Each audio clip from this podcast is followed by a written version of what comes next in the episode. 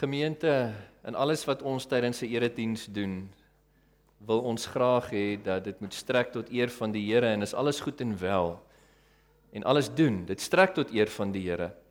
Maar ons wil spesiale klem altyd plaas op die prediking van God se geïnspireerde, gesaghebende, foutlose en algenoegsame woord, die Bybel. Want dit is deur die prediking van God se woord dat hy spesiaal tot ons harte spreek deur sy gees. Vir die rede wil ek vir Dominee Braam Hatting vorentoe nooi en uh ek sal sommer vir jou bid Braam en dan vir jou oorhandig. Baie dankie vir jou gewilligheid om ons te bedien met die woord van die Here vandag. Gemeente, kom ons sluit ons oë. Hemelse Vader, dankie vir die gesant wat U ons gestuur het. Ons eer U vir hom. Ek wil bid dat U U woorde in sy mond sal plaas en U salwing op hom sal rus. Spreek tot ons. Here, ons is gewillig om te luister en om die knie te buig voor wat U vanoggend vir ons sê deur U woord en gees. Help vir ons as gemeente, Here, om op gepaste wyse te luister tot U eer. In Jesus naam. Amen. Amen. Dankie Frans. Goeiemôre almal. Dis uh, vir my 'n voorreg om hier by julle te wees vir verskeie redes. Ons ken sommige van julle goed. Vir Frans en vir Esther en die kinders ken ons ook redelik. Uh julle sal julle het nou gehoor dat ek kom van Hillcrest Baptist Church. Dit is nie 'n fout wat Frans gemaak het nie, dit is 'n Engelse kerk. En uh ons Afrikaanse vriende sê vir my en Antoinette, dis haar verjaarsdag Dinsdag by the way, Frans het net vergeet. Uh ons Afrikaanse vriende sê vir ons ons praat met 'n Engelse aksent. en ons Engelse vriende sê nog steeds vir ons ons praat met 'n Afrikaanse aksent. Nou as jy vra wat maak hierdie Afrikaners nou daar in Engel Engelse KwaZulu-Natal? Dan ons maak dit seker dat ons die Anglo-Boereoorlog klaarmaak. Hulle weet dit nie, maar dis hoekom ons daar is. En dis 'n nuwe oorlogvoering waarmee ons besig is. Ons voer oorlog met die evangelie van Jesus Christus. So is ons vreugde dan om vir julle groete te bring van Hillcrest Baptist Church. En uh hulle het ook vir ons gebid vanoggend. En ek is so dankbaar dat julle vir hulle ook gebid het. Hulle het baie gebed nodig as ons hier daar is nie. So Eerstig kom ons maak ons uh, Bybels oop by Markus hoofstuk 4 en ons gaan van vers 35 af saam lees en daaroor dink. Vanoggend. Ons sluit aan by Jesus en uh, baie van sy disippels naby die see van Galilea. Uh, Jesus was baie besig in daai tyd. Hy keer die wettiese leringe oor vas en die Sabbat keer hy op sy kop. Hy genees 'n gebreklike hand. Baie mense kom na hom toe om te hoor wat hy doen of hoor wat hy sê en dit sien wat hy doen. Hy stel die 12 aan As mens deur hoofstuk 2 en 3 lees en dan Jesus leer hulle oor die uh lastering teen die Heilige Gees, baie belangrike gedeelte in die evangelies. En dan kom sy moeder en sy broers, hulle meng in en hy stuur hulle weg in daai bekende gedeelte: Wie is my moeder en wie is my broers? Julle is. So baie lesse gegee deur gelykenisse ook daarna. Dan bring dit ons by hierdie teks vir vandag, Markus 4 van vers 35 af. Moet my asseblief nie oordeel nie. Ek lees uit die 1983 vertaling. Ons sal mooi verduidelik wat dit regtig beteken as die Here dit so wil. Kom ons lees saam. Van vers 35 Markus hoofstuk 4. Laat daardie middag sê Jesus vir sy disippels: "Kom ons vaar oor kant toe." Hulle het toe die mense wat daar was, daar laat bly en hom saamgeneem in die skuit waarin hy gesit het. Daar was ook nog ander skuite by. Skielik het daar 'n groot storm losgebars en die golwe het in die skei geslaan sodat die skei al begin vol word het. Jesus het op die bank in die agtersteewe gelê en slaap. Hulle maak hom toe wakker en sê vir hom: "Meneer, gee u dan nie om dat ons vergaan nie?" Toe staan hy op, bestraf die wind en sê vir die see: "Hou op, bedaar." Die wind het gaan lê en daar het 'n groot stilte gekom. Toe sê Jesus vir hulle: "Waarom is julle bang? Het julle dan nie geloof nie?" Hulle is met groot ontzag vervul en het vir mekaar gesê: Wie kan hy tog wees dat selfs die wind en die see hom gehoorsaam? Ek weet nie of uh, enige van julle al op die see was en dat daar 'n storm was vir onstuimigheid in 'n kleinerige bootjie. Wie van julle was al in so 'n situasie? Niemand tot min. Ha, iemand daar. Daar's wat ek 'n amper onwillige hand gesien opgaan. So ek het uh, in my jonger dae het ek 'n opblaasboot gehad, nie die wat julle vir julle kinders koop nie, was 'n oordentlike boot hierdie ene. Was so 4.2 meter lank, omtrent uh, 2 meter wyd en ek het 'n uh, 45 perde krag buiteboord engine gehad en hy was toegerus vir die see. Twee groot gate agtergaat met so 'n semi-klep wat as daar water in die boot inval, as jy net vet gee met die engine en die engine werk, dan die water sommer vinnig agteruit gespoel. Per geleentheid was ons ook uh, daar by Kosie Baai en as jy Kosie Baai ken, sê jy weet daar's 'n groot meer en dan's daar so 'n kanaal, so 'n natuurlike kanaal wat jy so stadig moet deurry net om ander bote ook kans te gee om by of by te kom as dit nou nodig is. En dan by die tweede meer is daar groot sandbank en as jy by die sandbank kom, dan moet jy mens nou uitklim, die engine stop en dan sleep jy nou die boot so deur omtrent so diep water wat jy dan deurgaan tot in die meer, dan kan jy nou weer die die engine start. Jammer, ek is nog bietjie Engels en uh, dan kan jy nou verder ry. Ons het per geleentheid daar 'n draai gemaak en daar seekoeie en krokodille oral. So mense kyk maar altyd uit vir hulle. En uh, die die keer wat ek gery het, was dit ek en twee meisies op die boot. En hulle wou gaan kyk na flaminke. Ons het toe flaminke gekry en een meisie wou toe 'n veer hê. En hulle moes toe roei met die boot. En twee meisies met my wat probeer beduie bietjie links, bietjie regs het nie so goed gegaan nie, lank gevat om die veer te kry. So teen die tyd dat ons moet terug oor hierdie sandbank was daar 'n pappa en 'n mamma en 'n baba seekoei naby en waar ons oor die sandbank moet loop. Langs toe die kort te maak, sal die drama vir julle spaar toe ons nou oor die sandbank is en uh, ons is in die boot en dit is nou tyd vir my om hierdie motor weer te start, né? Toe kom die seekoei bil vir ons. Hy was nie ver nie, was so 50 meter van ons af, maar hy kan hardloop in die vlak water. En hy kom. Ek was nie gelowige nie, so ek het nie gebid nie, net gehoop dat hierdie eerste keer wat ek die engine trek dat hy sal vat. Hy het gevat. En toe moet ek nou die engine in rad kry dat hy kan begin loop. Nou kyk ek lankal nie meer vir die seekoei nie. Ek is te bang vir hom. Vir die meisies ook gesê, julle kyk nie vir die seekoei, julle hou net vas. En die engine het gevat. En toe hy vat, toe druk ek hom so oop. Voel hy begin beweeg, toe so kyk toe is die seekoei net hier. En ek nou weet ek waar die seekoei gaan. Gelukkig is daar 'n diep maalkolk. En ek weet die seekoei gaan nie op die boot spring nie, hy gaan onder ingaan. So ek kon vinnig vet gee en ek gaan, maar die seekoei was so naby dat die golf wat hy gemaak het, het die water binne in die boot laat val. Gelukkig het ek hierdie twee gate agter in die boot wat die water laat uitgaan. So met die engine kon die water uitgaan. Agterna, weet mens, as mens groot skrik, dan bewe jy eens agterna. As jy klaar gebewe het, dan maak jy grappies. My grappie was Dis 'n opblaasboot. As die seekoe hom op het ons net so gemaak. Maar die vrees was daar. En uh, die werklikheid is uh dat ek ry hierdie kanaal wat gewoonlik so 20 minute vat, was so 5 minute. Tot in die groot meer. Ek het so end gery seker gemaak daar's nie seekoe naby nie. Die engine afgeskakel en gesit en bewe vir 20 minute. So ek het bietjie van 'n meegevoel, né, met hierdie disippels wat in die boot was met die golwe rondom hulle wat slaan en die water wat in die boot inval en wat die boot al vol maak. Disippels in skei op daardie dag saam met Jesus het geweet dat hulle in die moeilikheid is. En uh hulle behoort ook te weet by wie hulle die hulp kan kry. Die hulp was daar in hulle skei saam met hulle. Die storms op die see van Galilea was nie iets ongewoons nie. Die wonderwerk was nie dat die storm skielik gekom het nie. Geologies is die see van Galilea onder in die boelope van die Jordaanrivier. En die Jordaan vloei in 'n suidelike rigting deur die see en tot in die Dooie See. Die see van Galilea is 425 meter onder seevlak geleë. En dit is 9,4 km lank en omtrent so 4 km breed.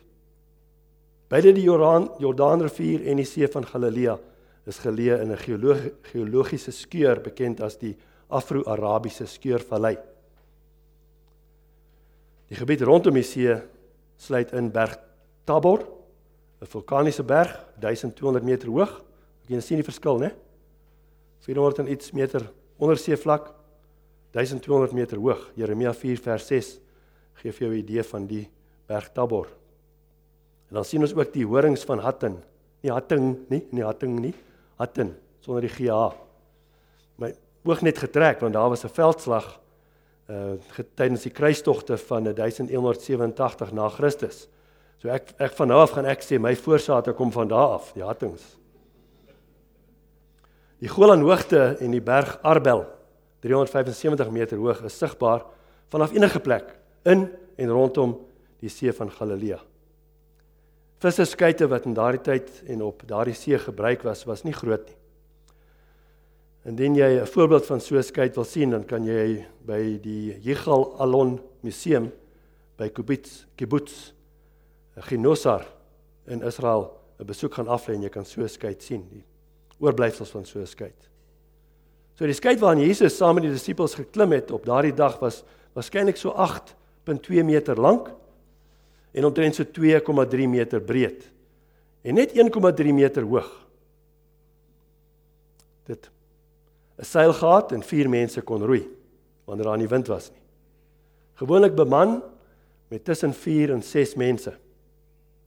Dink op hierdie dag was daar meer mense op die skei want Jesus het van hulle saamgevat, ander skeite ook saam met hulle, soos ons gelees het in ons teks vervolgend. So Markus beskryf vir ons drie interaksies wat ons help om Jesus meer te vertrou in die storms van ons lewe. Drie interaksies. Eerste interaksies, die disippels bestraf Jesus. Tweede interaksie, Jesus bestraf die wind en die water. Derde interaksie, Jesus bestraf die disippels. So, ek sien dat julle 'n tradisionele baptiste kerk is, so ons begin soos die tradisie dit bepaal met punt nommer 1. Die disippels bestraf Jesus.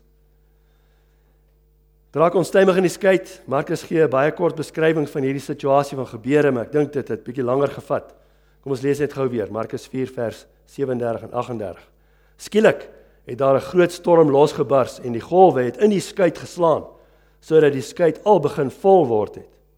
Jesus het op die bank in die agtersteewe gelê en slaap. Hulle maak hom wakker en sê vir hom: "Meneer, gee jy dan nie om dat ons vergaan nie?" Daar sien jy die bestrawing van die disippels wat hulle aan Jesus rig. Hulle maak hom wakker met 'n aanklag. Gee jy nie om nie. Ons werk ons vrek hier so in die storm en jy slaap. Jy kan ten minste help om die water uit te skep. Nog 'n paar hande is welkom, jy weet. En die skei saam met die Skepper van die heelal, hy is vas in die slaap.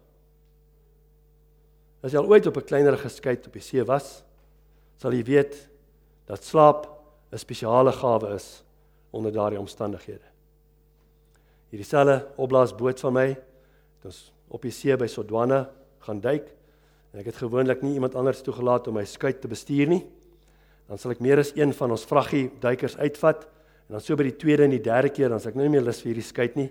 En ek het verskeie kere probeer om op my maag te lê terwyl die skuit heen en weer gaan op die golfies Daar was 'n manier wat ek in die slaap kon raak nie. En my ma het altyd gesê as my neus en my naakie min of meer horisontaal is, slaap ek.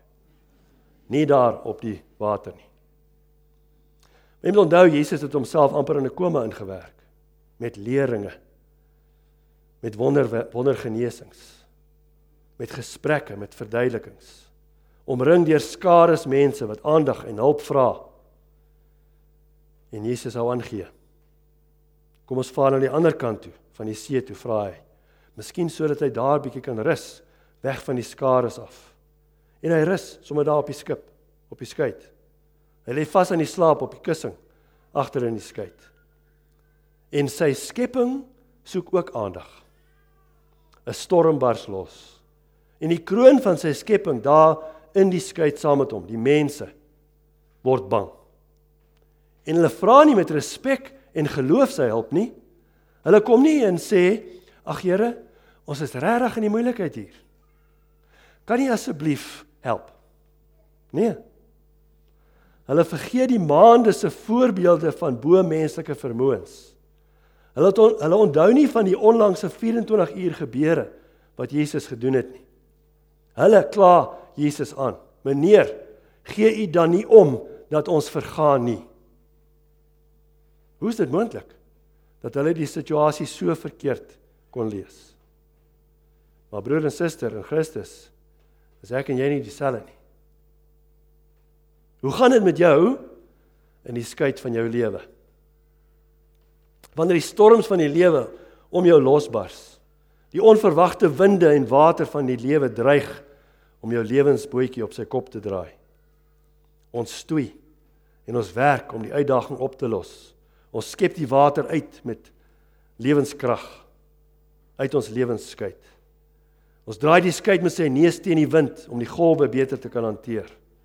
Ons kyk rond en Jesus slaap. Altans dit is ons dink. Natuurlik sal ons met goeie Christene, ons wat goeie Christen is, nie so blaatant aanklag soos wat die disippels daai dag gedoen het nie. Ons het mos nou klaar gelees en dis nie reg nie, ons weet. Maar deur ons emosies, ons begeertes en ons besluite wys ons dat in ons gedagtes is Jesus alweer vas aan die slaap. Kon hy nie markeer dat ek my werk verloor nie. En nou dat ek het, gee hy nie om. Gee nie om vir my nie. Gee nie om dat ek vergaan nie. Gee nie om dat my familie teen my draai nie. Draag dit hom nie dat ek pyn moet verduur nie. En dan is daar natuurlik die groot passasiersskip Suid-Afrika, reg?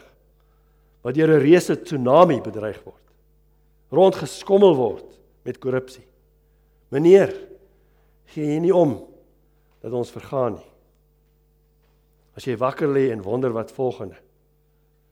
As jou stres simptome wys, hoë bloeddruk, maagswere, woedebuie, stilstype, grype na verdowing en drank en afleidings dan maak jy mos 'n aanklag teen die slapende Jesus. Jy kan maar aankla, Christen. Terwyl Jesus saam met jou in jou lewenskyk is, gaan hy op die regte tyd en op die regte manier jou antwoord. Jesus antwoord telke male op 'n manier wat ons nie verwag nie. En sy antwoord is altyd briljant. Briljant dan sien ons by punt nommer 2 hoe hy antwoord. En miskien kan jy nou begin dink in jou lewenskyk en daai kere wat jy in jou gedagtes jou vertwyfeling gebruik en eintlik op dieselfde manier as hierdie drenkelinge. Is dit 'n regte Afrikaanse woord? So lank laat dit gebruik. Saam met hulle kan stem. En selfs in hoe jy optree. Jy in jou eerste hardloop nie na Jesus toe nie, maar jou eie vermoëns dat jy sê: "Maar Here, gee jy nie om dat ek vergaan nie. Hoor dan wat Jesus doen in hierdie situasie en kom ons kyk of ons dit kan toepas in ons lewensskeite terwyl die storms om ons slaan. Tweede punt, Jesus bestraf die wind en die water. Hoe reageer Jesus op hierdie aanklag? Fascinerend, Markus 4 vers 39. Toe staan hy op, bestraf die wind en see en sê vir die see: "Hou op. Bedaar." Die wind het gaan lê en daar het 'n groot stilte gekom. Ek hou van hoe die 1933 vertaling dit sê. Dit sê net waar Jesus met die storm praat. Hy sê: "Swyg. Wees stil." Lekker vertaling. Kom ons sit onsself net weer in die skei. Golwe wat teen die skei breek. Wind wat dreig om die seile te skeur. Water stort in die skei in en die skei word vol. Jy en die ander mense saam met jou gebruik emmers hoedens, hande om die water uit te skep, maar die stryd is te vergeefs. Nog meer water stort oor die kant van die skei. Die einde is naby. Iemand waag dit nadat almal vir julle gekyk het na die slapende Jesus hier op die agterste bank. En gewonder het wat julle moet doen. Iemand waag, meneer, hoe is dit moontlik dat jy deur hierdie storm nog kan slaap? Gee jy nie omdat ons vergaan nie? Dit was die desperaatheid van die mense in die skei en miskien is jy ook soms daar. As jy nie is nie in jou lewe lank genoeg dan gaan jy daar kom. Dat jy 'n situasie belewe wat jy weet jy kan dit nie hanteer nie. Jy het nodig om in jou gedagtes die slapende Jesus wakker te maak. Jy het hom nou nodig. Jesus staan op. en hy gee hulle morele les. Nee, hy doen nie. Hy kon gesê het, "Met wie dink jy praat jy?" Besef jy nie hoe moeg ek is nie? Het jy nie gesien hoe hard ek gewerk het in die laaste 24 uur nie? Het jy nie gesien wat ek alles vermag het met die mag wat ek het nie? Het ek nie nou genoeg mense uit hulle moeilikheid gehelp nie? Roei. Swem. Verdrink vir wat ek omgee. Maar Jesus staan op en hy bestraf die wind en die water. Kyk net mooi op die volgorde. Die wind het gaan lê en daar het 'n groot stilte gekom. Jesus praat met twee elemente van sy skepping. Twee elemente. Hy praat met die wind en hy praat met die see. So met die wind en die water praat Jesus. Al twee elemente luister dadelik. Die wind gaan lê en die see gaan in 'n groot stilte in. Ek verbeel my net, my verbeeling is baie goed.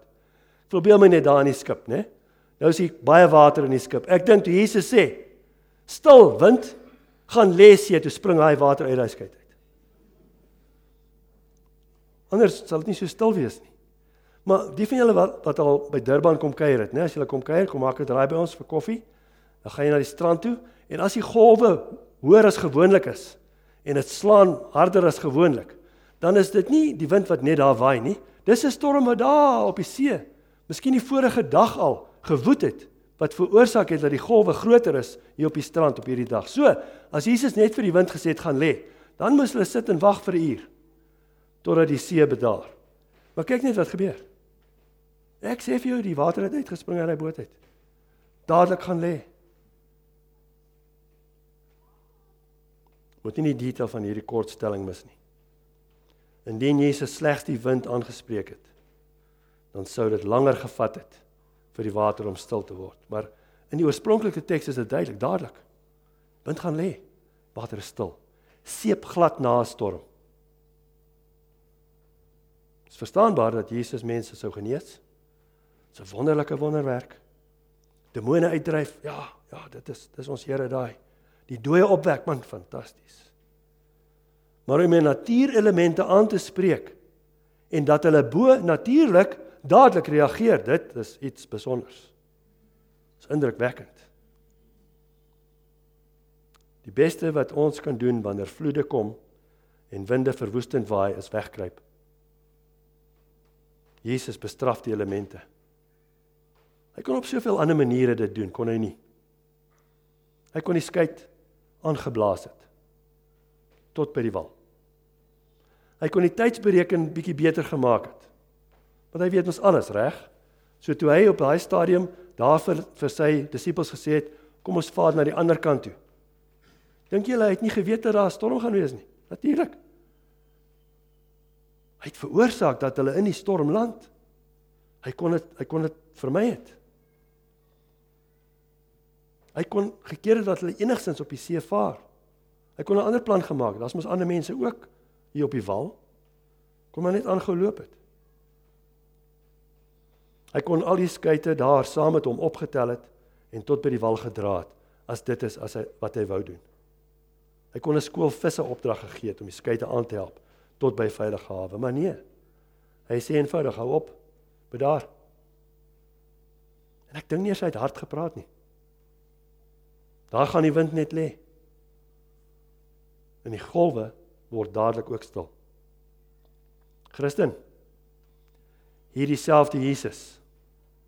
Hierdie Jesus wat net so praat en die storm raak stil. Met dieselfde mag kan hy die storms in jou lewe stil maak. Maar soos met die mense in die skei daardie dag is Jesus dalk ook nie klaar gepraat nie. Hy het dalk nog iets om vir jou te sê. Die disippels ondervra Jesus en kla hom aan dat hy nie omgee nie. Jesus kla die storm aan en die storm is stil, maar Jesus het nog 'n belangrike punt om te maak. So punt nommer 3. Jesus bestraf die disippels. So ek hoop as jy luister na hierdie laaste punt dat jy ten minste kan sê ek behoort te luister Ek behoort iets te hoor van wat Jesus hier vir my wil sê deur wat hy vir die disippels daardie dag in die stormagtige nou stil skei wou sê. Kom ons hoor Markus 4 vers 40. Toe sê Jesus vir hulle: "Waarom is julle bang? Het julle dan nie geloof nie?" Nadat Jesus die probleem opgelos het, spreek hy die disippels aan. Net op die twee dele wat Jesus hulle op bestraf. Eersteen, so vrees en geloof is die twee. Jesus spreek hulle aan oor hulle vrees en hulle gebrek aan geloof. Hoekom is julle bang? Vir 'n stormpie. Vir 'n skuit vol water. So wees nou versigtig, né, dat ons nie te vinnig hierdie amper drenkelinge oordeel nie. Hulle en jy het net in die oomblik bietjie vergeet van Psalm 27 vers 1 wat sê Die Here is my lig en my redder. Vir wie sou ek vrees? Vir wie sou ek bang wees?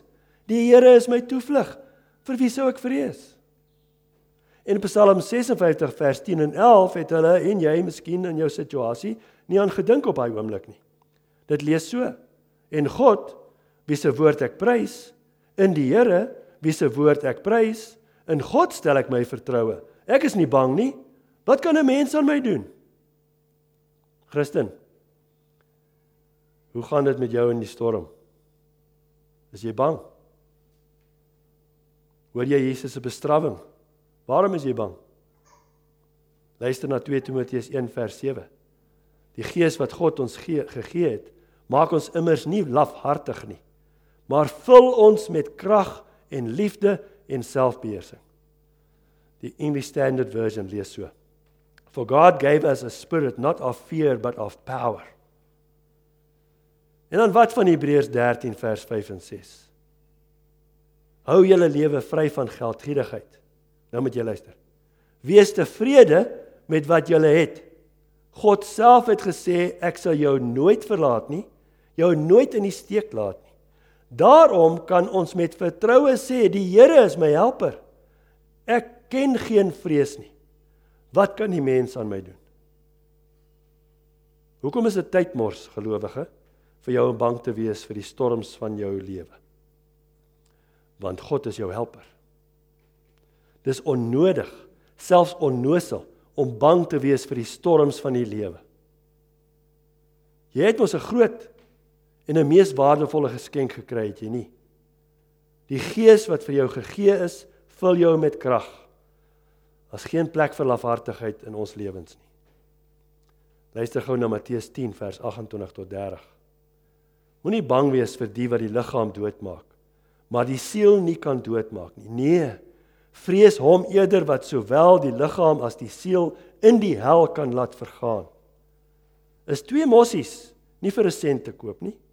En tog sal nie een van hulle op die grond val sonder die wil van julle Vader nie.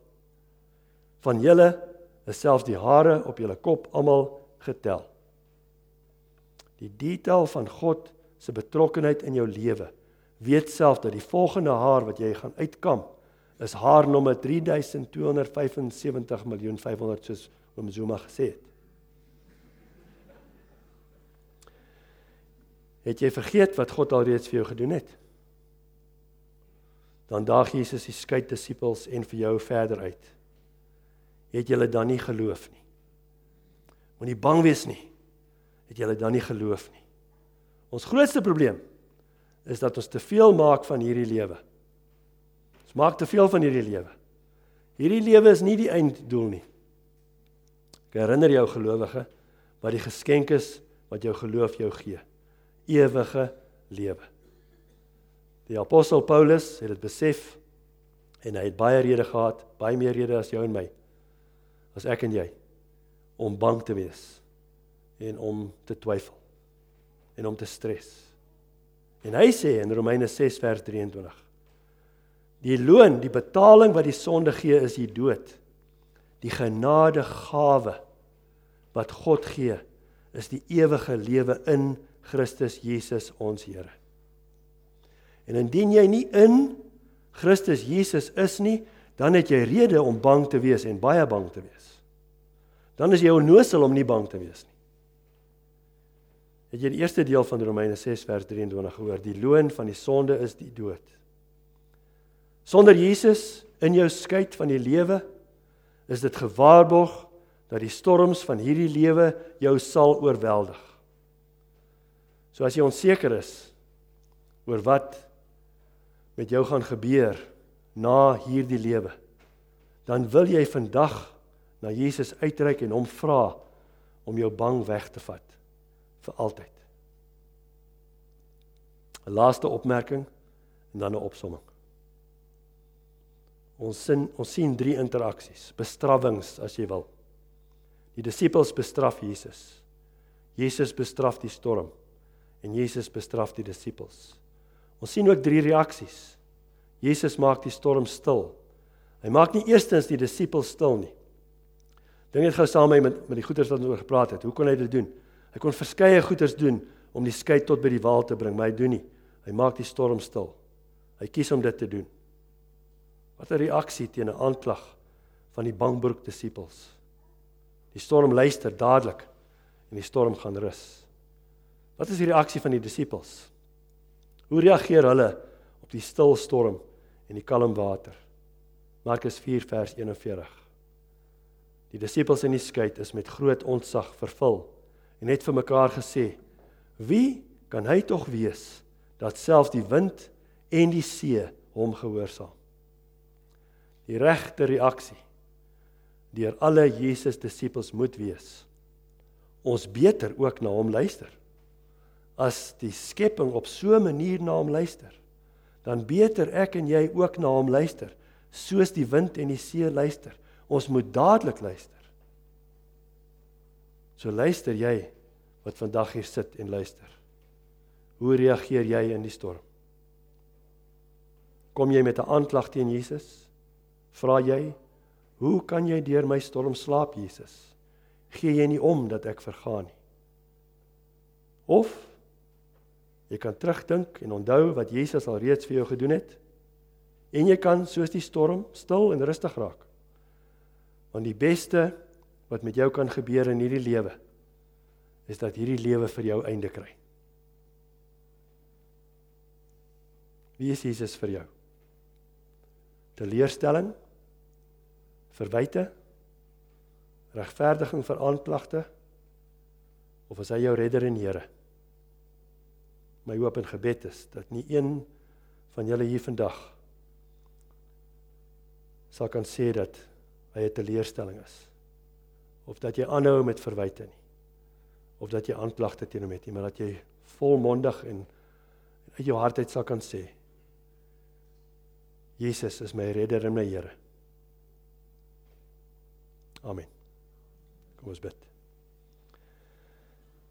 Vader, U het in die goedheid en in die almag voorsien dat ons vandag hierna moet luister. My eenvoudige gebed is dat U elkeen van ons se harte sal oopmaak, dat U sal aanhou om hierdie teks in ons harte in te preek, veral wanneer die storms van die lewe voel en lyk asof dit ons gaan oorweldig en ons lewensskuit bedreig. Help ons Here op die regte manier te reageer. Dat ons nie sal aankla nie, maar dat ons bidtend, nederig voor ons Here en ons Redder sal buig in afhanklikheid en hom sal vertrou met wat ook al hy met die storm in ons lewens wil doen. Wetende dat dit alles goed is vir ons en tot sy glorie. Help ons om op die regte manier te reageer en dat ons deur dit te doen nog meer mense sal bemoedig om te kom vra wat die hoop in ons is ten spyte van die storms wat om ons woed. Hoe is dit moontlik dat jy so rustig kan wees? Hoe is dit moontlik dat jy nie die moeilike vrae vra nie, maar dat jy rustig voortgaan om jou Here te verneem? Hoe is dit moontlik dat ons dan kan antwoord, maar in my skuit is Jesus Christus, die skepper van die heelal. Vir hom is niks onmoontlik nie. En dat hy my tans in hierdie skuit met die storm rond my laat lewe is wonderlik en goed en dat ons dit uit ons harte sal kan sê en glo. Help ons dan dat ons in hierdie moeilike tye wat ons lewe en moeilike tye wat nog kan kom dat ons goeie getuies vir Jesus sal wees. Amen.